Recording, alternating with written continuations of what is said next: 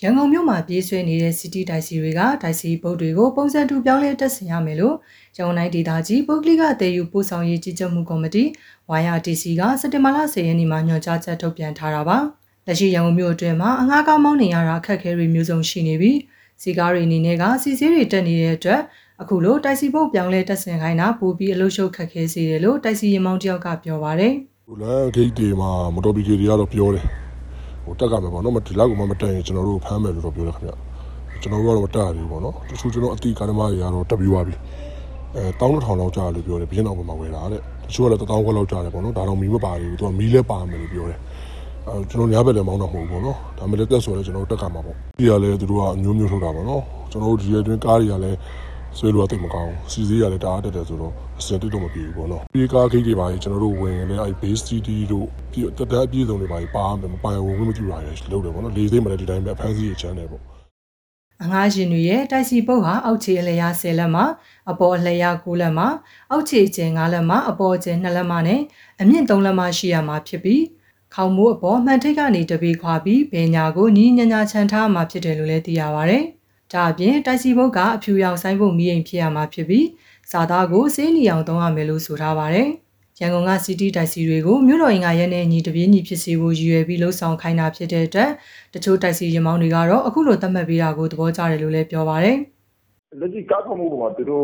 ပြောင်းခိုင်းတာဟိုအလေကောင်ဘေးနှစ်ဖက်တစ်ဖက်စီတပေกว่าတော့လက်စနာတက်တက်တော့ဟိုထားပြီးနေတဲ့ဘောလေးအဲ့လိုမျိုးတော့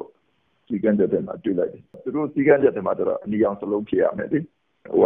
အောက်ကပုတ်ကအချူအောင်ဖြစ်ရမယ်ကျွန်တော်တို့လိုရတက်စီစကလုံးရေးတာကြတော့ဟိုကအပြာရောင်လေးဖြစ်နေတယ်ပေါ့နော်အဲ့ဒါလေးတခုတော့ကြောင်းပြရမှာပေါ့အဲ့အပြာရောင်လေးအနီအောင်ဖြစ်အောင်တော့ကြောင်းမယ်အစီအစဉ်တစ်ခုပဲရှိတယ်တခြားနိုင်ငံခြားအမှားဆိုရင်တက်စီကလာနန်နူပဲထားတဲ့ နိုင်ငံတွေတချို့နိုင်ငံတွေရှိပါတယ်စီးစနစ်ကြတယ်တချို့တချို့တက်စီတွေကရှိတယ်ဗျဆံမုတ်တေးသေးလေးတွေတက်ထားတာတော့မျိုးစုံပါပဲရေစုံစားချုံတွေ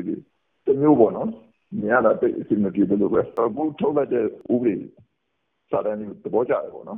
အာနာသိမီနောက်ပိုင်းမော်တော်ယာဉ်တွေရဲ့နံပါတ်ပြားကိုရင်မှတ်ပုံတင်တဲ့မြို့နယ်ရဲ့သင်္ကေတနံပါတ်နဲ့ရင်မျိုးစားပါတဲ့နံပါတ်ပြားအသစ်တွေကိုပြောင်းလဲတက်ဆင်ခိုင်းပြီးအခုတခါမှာတော့အငှားယာဉ်တွေကိုထပ်ပြီးတင်းကျပ်လာတဲ့အတွက်အငှားယာဉ်မောင်းများစုကအဆင်မပြေဖြစ်နေကြတယ်လို့တိုက်စီကားသမားတွေစီကနေသိရပါဗျ။ဒါအပြင်ရမောင်းလိုင်စင်ရှောက်ခါသုံးစားတက်မယ်လို့လည်းသတင်းတွေထွက်ပေါ်နေတဲ့ပေါ်ကားသမားတွေကစိုးရိမ်ပူပန်နေကြတယ်လို့လည်းပြောပါဗျ။တိုက်စီဘုတ်တပြင်းညီပြောင်းလဲတက်ဆင်ခိုင်းတာကိုစက်တင်ဘာလ10ရက်ကနေဒီဇင်ဘာလ10ရက်နေ့အတွင်းမှာလှုပ်ဆောင်ရမှာဖြစ်တယ်လို့သိရပါဗျ။ အဲဒီရက်90ကိုပညာပေးကာလအဖြစ်သတ်မှတ်ထားပြီးဒီဇင်ဘာလ9ရက်ကစလို့မပြောင်းလဲတဲ့ရင်တွေကိုရေအန်ရဲ့ကင်းရှင်းရေးနဲ့မော်တော်ယာဉ်စီမံခန့်ခွဲမှုဥပဒေပုံမှန်96နဲ့ရေးယူမှာဖြစ်တယ်လို့ထုတ်ပြန်ချက်မှာဖော်ပြထားပါတယ်။ကျွန်မကတော့ဝေပါ။